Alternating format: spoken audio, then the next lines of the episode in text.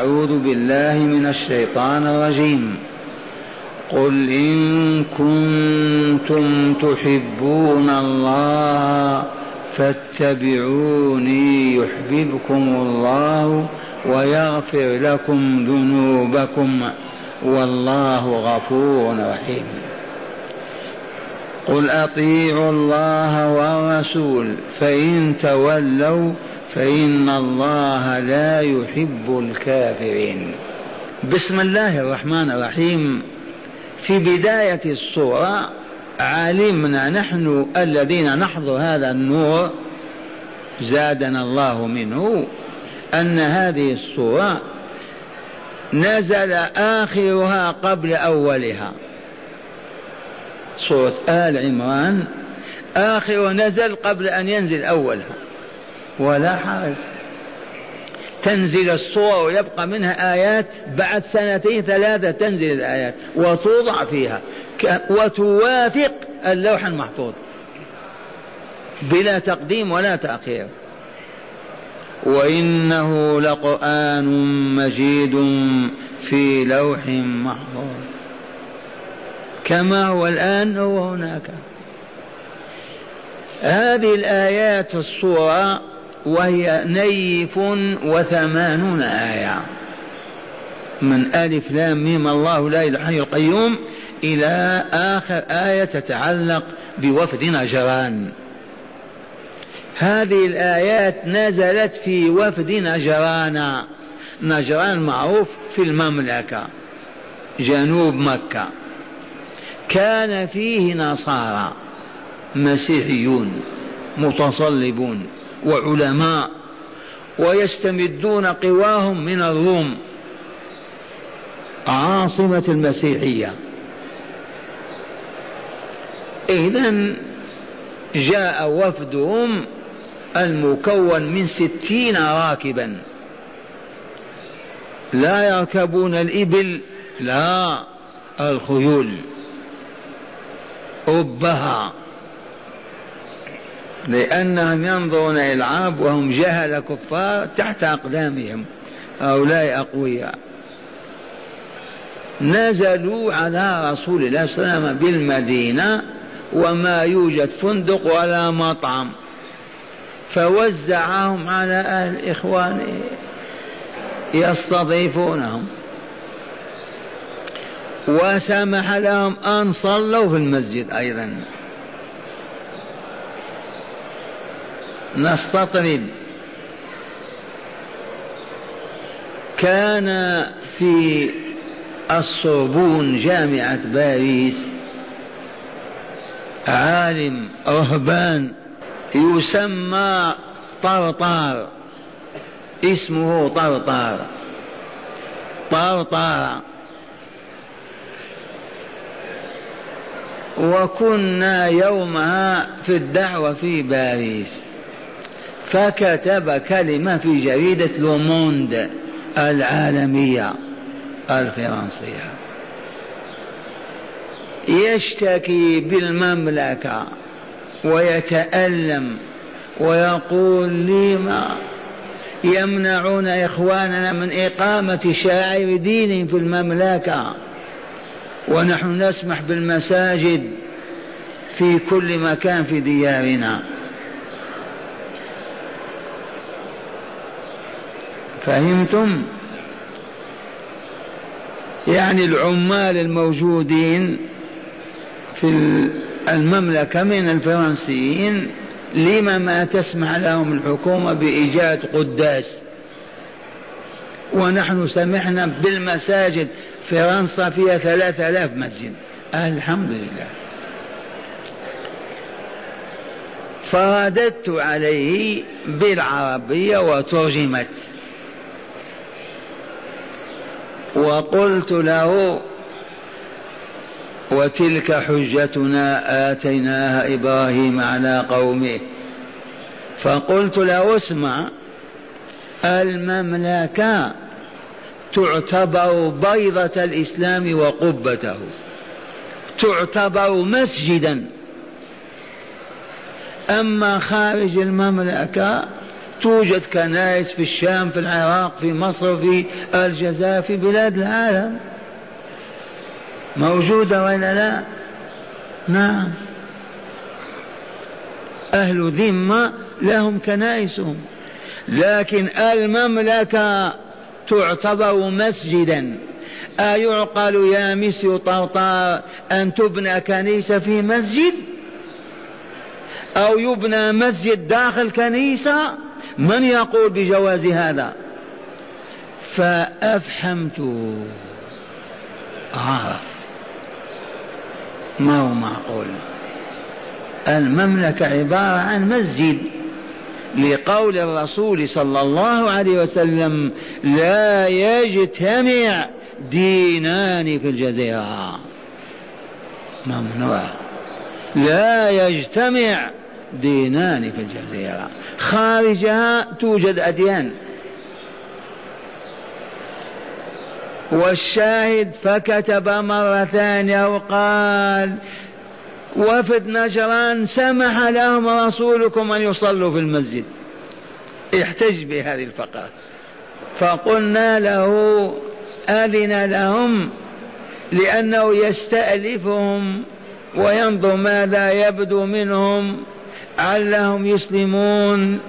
هذا من جهة ومن جهة أخرى الشريعة نزلت في ظرف ثلاثة وعشرين سنة ويوجد حكم اليوم وينسخ غدا. فنسخ الرسول هذا بقوله قبل وفاته لا يجتمع دينان في الجزيرة فنسخ ذلك الحكم. وقلت له لا تغضب كتب في المرة الثالثة ويقول إخوان لنا في جدة. قاموا بقداس في غرف بيت أحدهم طوقتهم الهيئة وحاصرتهم وصفروهم. قلت له لا هذا ليس بغريب.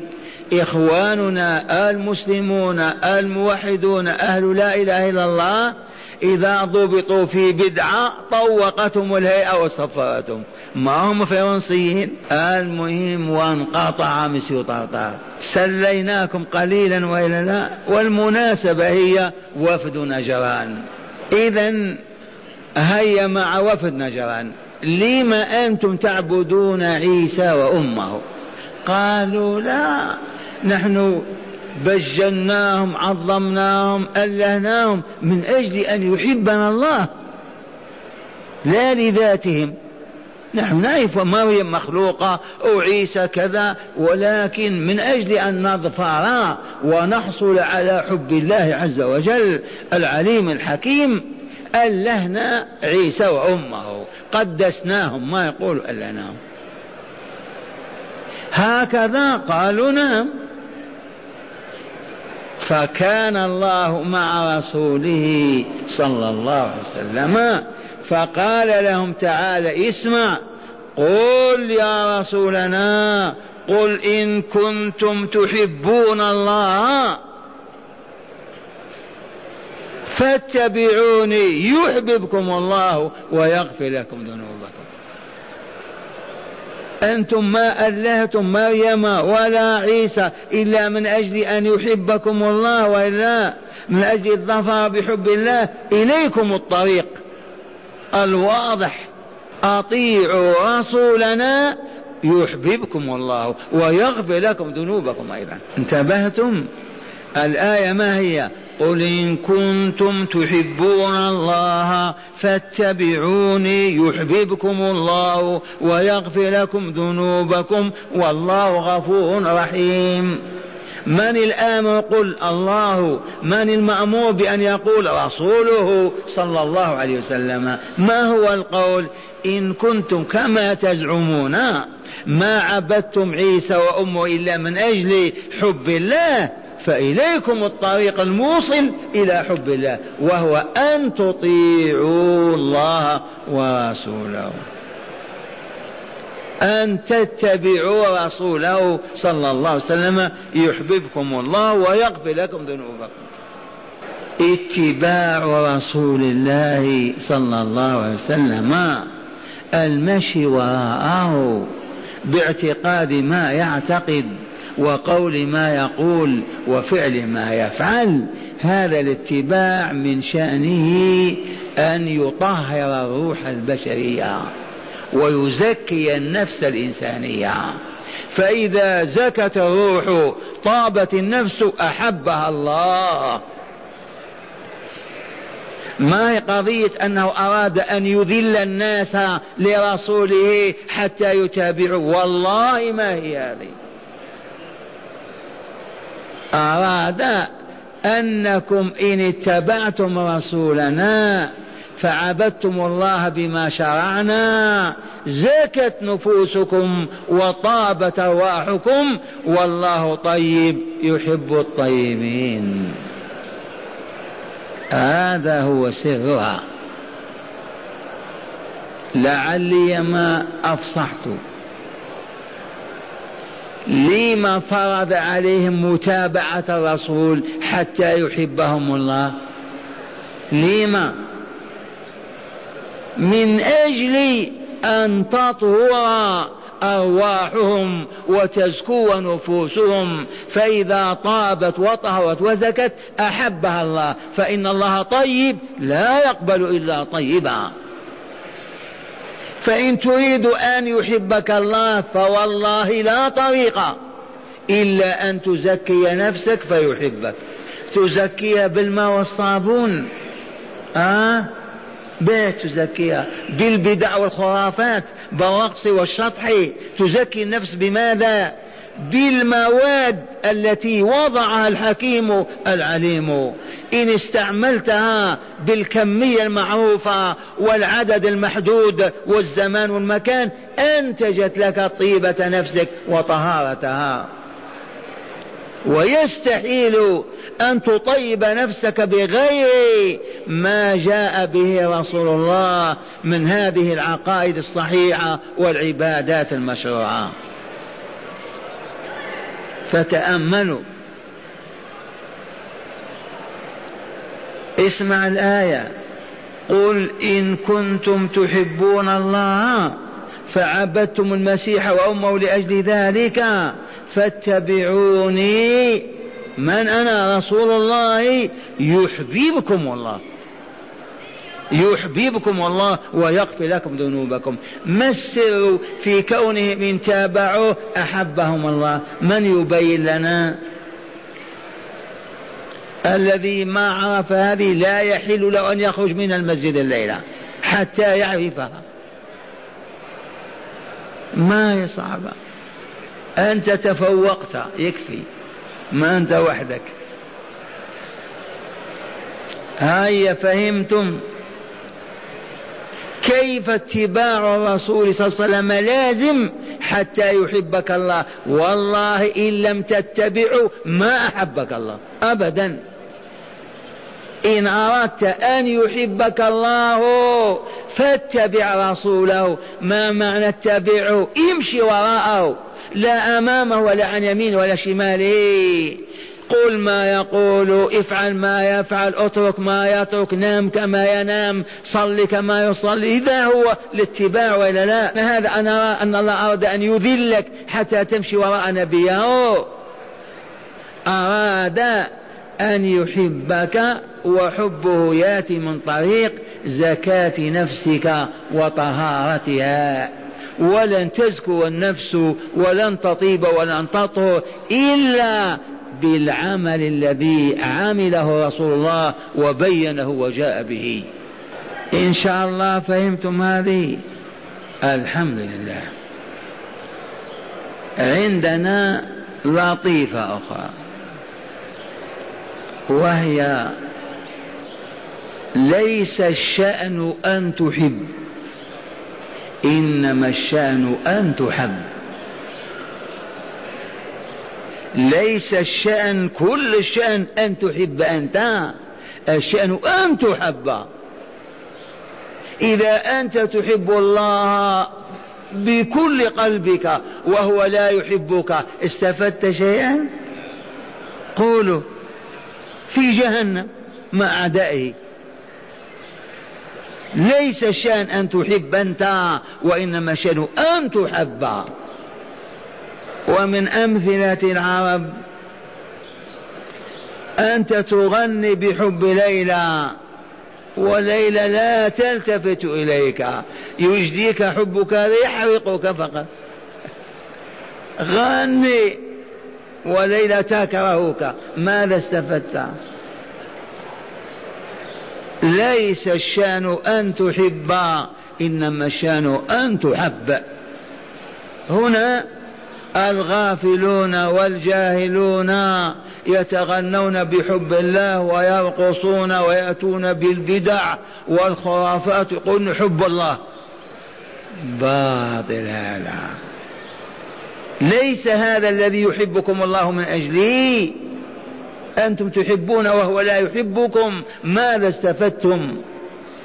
إن أردتم أن يحبكم الله فزكوا أنفسكم وطهروها بما شرع من العقائد والعبادات أقوال وأعمال ثم يحبكم الله وتظفر بحب الله.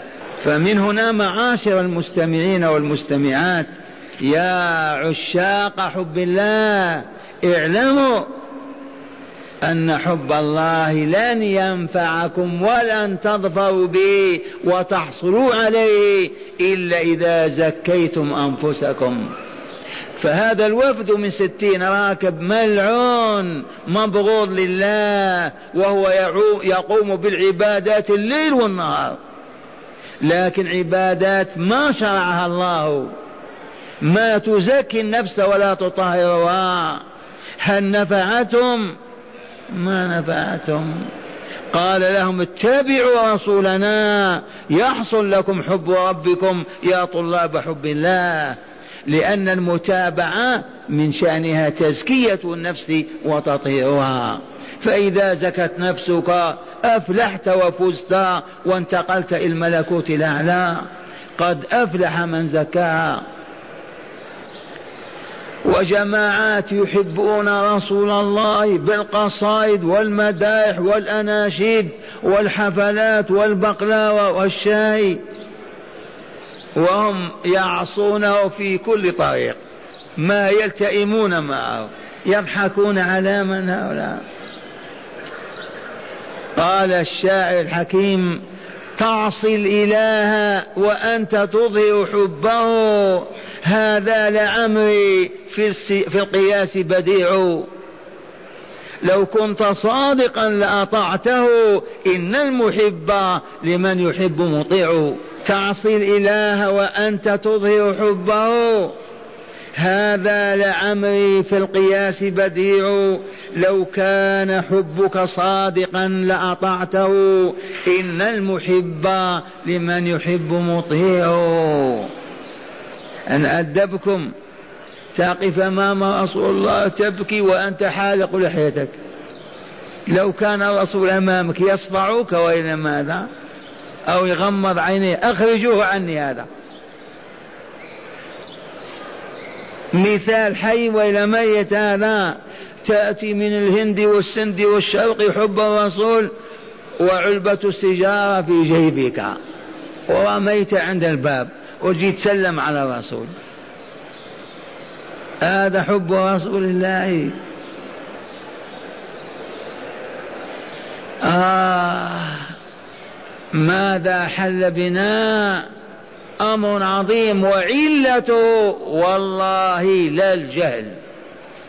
لا نلوم إخواننا ولا آبانا وما الجهل ما عرفنا الله ما عرفنا الطريق إليه ما علمونا ما, عب ما عكفنا على طلب الهدى.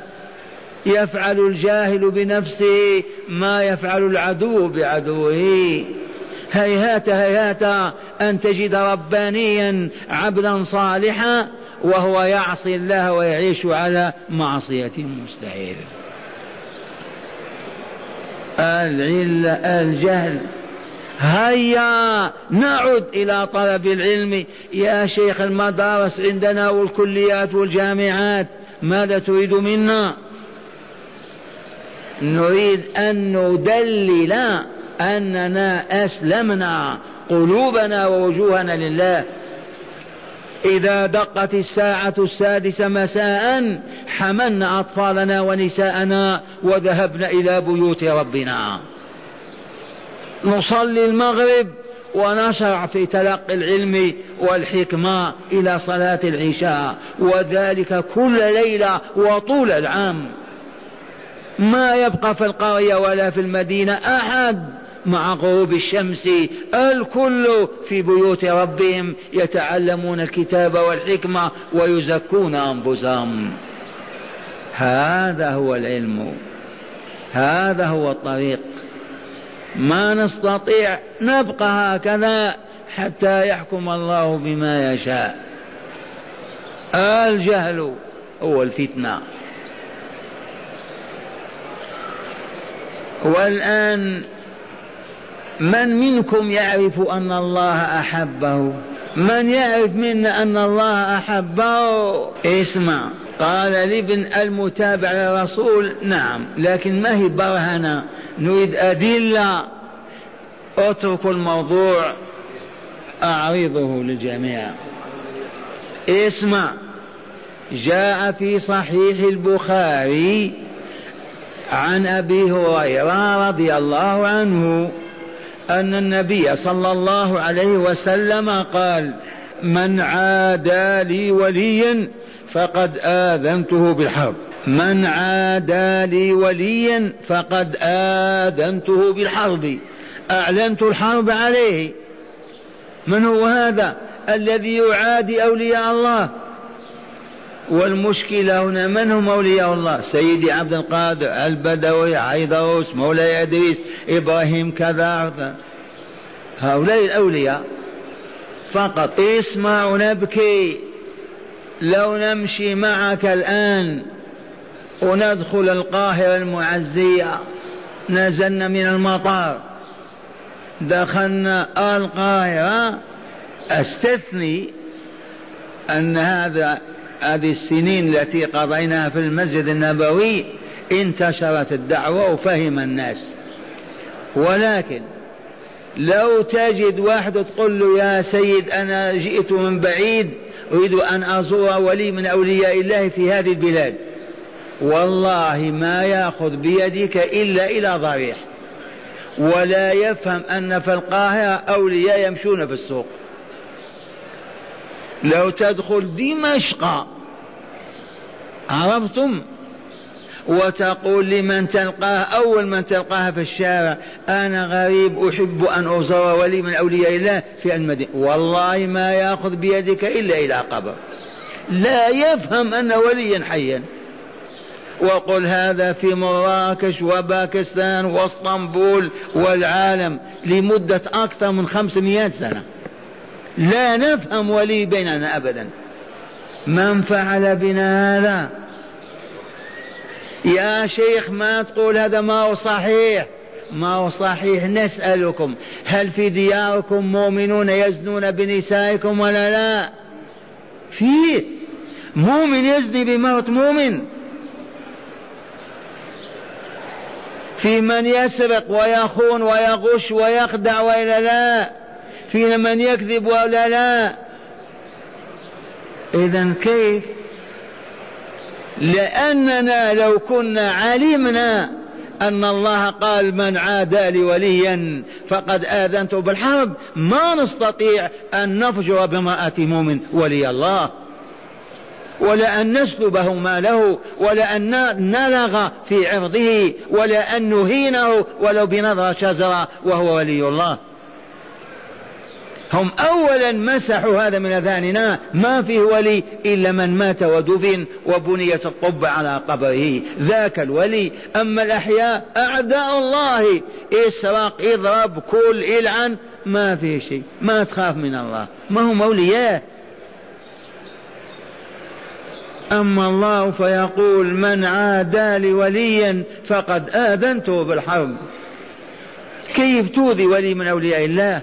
ولو بكلمة نابئة يا عبد الله. عرف هذا الخصوم المجوس اليهود النصارى وصرفوا من قلوبنا وأذهاننا أن المؤمنين أولياء الله ابدا. وحصروا الولاية في من مات وإن كان كافرا وإن كان حمارا. كم وكم من حمار عبد. سيدي بو حمارة معروفة عندنا. مات حمار في طريق دفنوه بنوا عليه يزورونه ويأخذوا الزيارة. سيدي بو حمارة لما حتى يصبح المسلمون ياكل بعضهم بعضا؟ لا تقدير لا حب لا احترام لا ولا لأنهم كلهم ما هم أولياء الله. اذا أين أولياء الله؟ سيدي فلان. المبني عليه قبة ويعبد مع الله. تذبح له الذبائح ويحلب به ويزار وننقل إليه المرضى وهو ميت. هذا وقع فينا وإلا لا؟ إيه ورب الكعبة. في كل ديار العالم الإسلامي. من فعل بنا هذا؟ الثالوث اليهود المجوس النصارى. وهم متعاونون إلى الآن. ونحن في غفلة وتيهان. نواصل الحديث. ثم يقول تعالى وما تقرب إلي عبدي بشيء أحب إلي مما افترضت عليه. فتح الباب يا من يريدون أن يحبهم الله. بسم الله. تقربوا تقربوا تقربوا وتصلوا. بماذا؟ بأداء الفرائض. اولا ما تقرب إلي عبدي بشيء أحب الي مما افترضت عليه. وما يزال عبدي يتقرب إلي بالنوافل حتى أحبه. واضح الطريق وإلا لا؟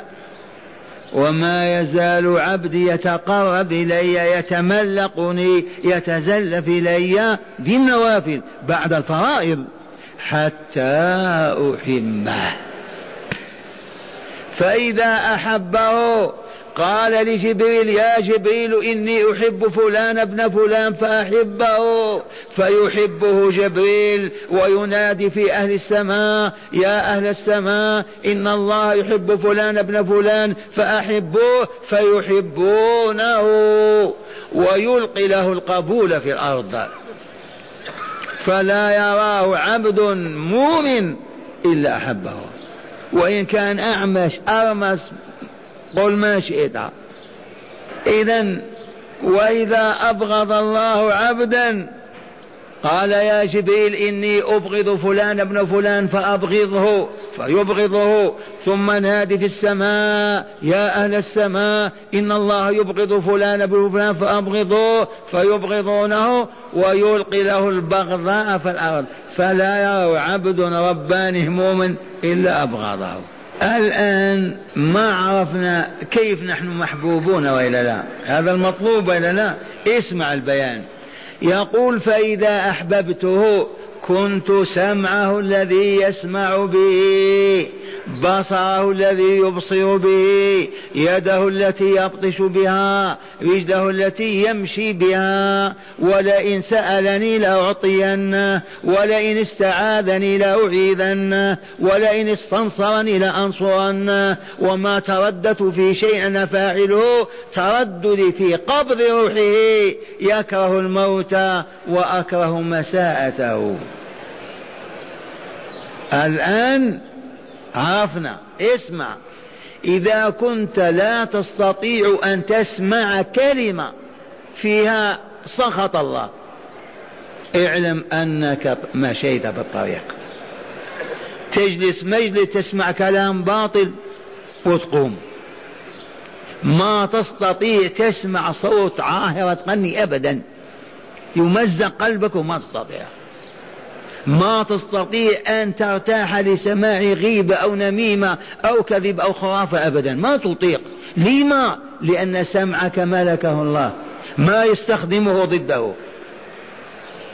عرفت السمع ولا لا؟ زيد البصر. إذا أصبحت ما تقوى على أن تنظر إلى شيء منع الله النظر إليه. ما أجنبية. أمرد صورة تمثال ما تستطيع.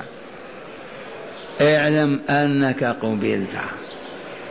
يدك وأنت البطل الذي تبطش بالفارس وتضرب به الأرض.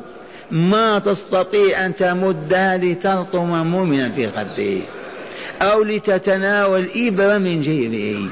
كأن يدك ما تقوى على شيء. لما؟ لأن الله ملكها فلا يستخدمها في غير رضاه. رجلك. كنت أيام عداوة الله تمشي أربعين كيلو لتغني وتزمر معهم تبات تمشي ألف كيلو إلى مكة. ولما هبطت ما تستطيع تمشي ولا شبر إلى المسجد. إذا قبلت كنت تمشي أربعين كيلو للمعصية الآن تمشي ألف كيلو للطاعة. تصبح رجلك والله ما تستطيع أن تمشي خطوة واحدة في سخط الله. ما تقدر. لو تدعى إلى معصية عشر خطوات ما تستطيع. كأنك مشلول. لما؟ لأن الله ملك هذه الحواس. ما قال فإذا أحببته كنت سمعه. الذي يسمع به وبصره الذي يبصر به ويده التي يبطش بها ورجله التي يمشي بها. إذا شعرت بهذا تعال أصافحك أنت محبوب. ويبقى بعد ذلك العطايا الإلهية. ما سألته إلا أعطاك ولا استعذته إلا أعاذك ولا طلبت نصرته إلا نصرك. وكيف وهو وليك وأنت وليه عرفتم هذه؟ كيف أنتم أولياء الله وإلا لا؟ أولياء الله حرام أن نسبكم أن نشتمكم أن نأكل أموالكم أن نفجر بأعراضكم أن نهينكم أن نذلكم لأنكم أولياء الله. كذا ولا لا؟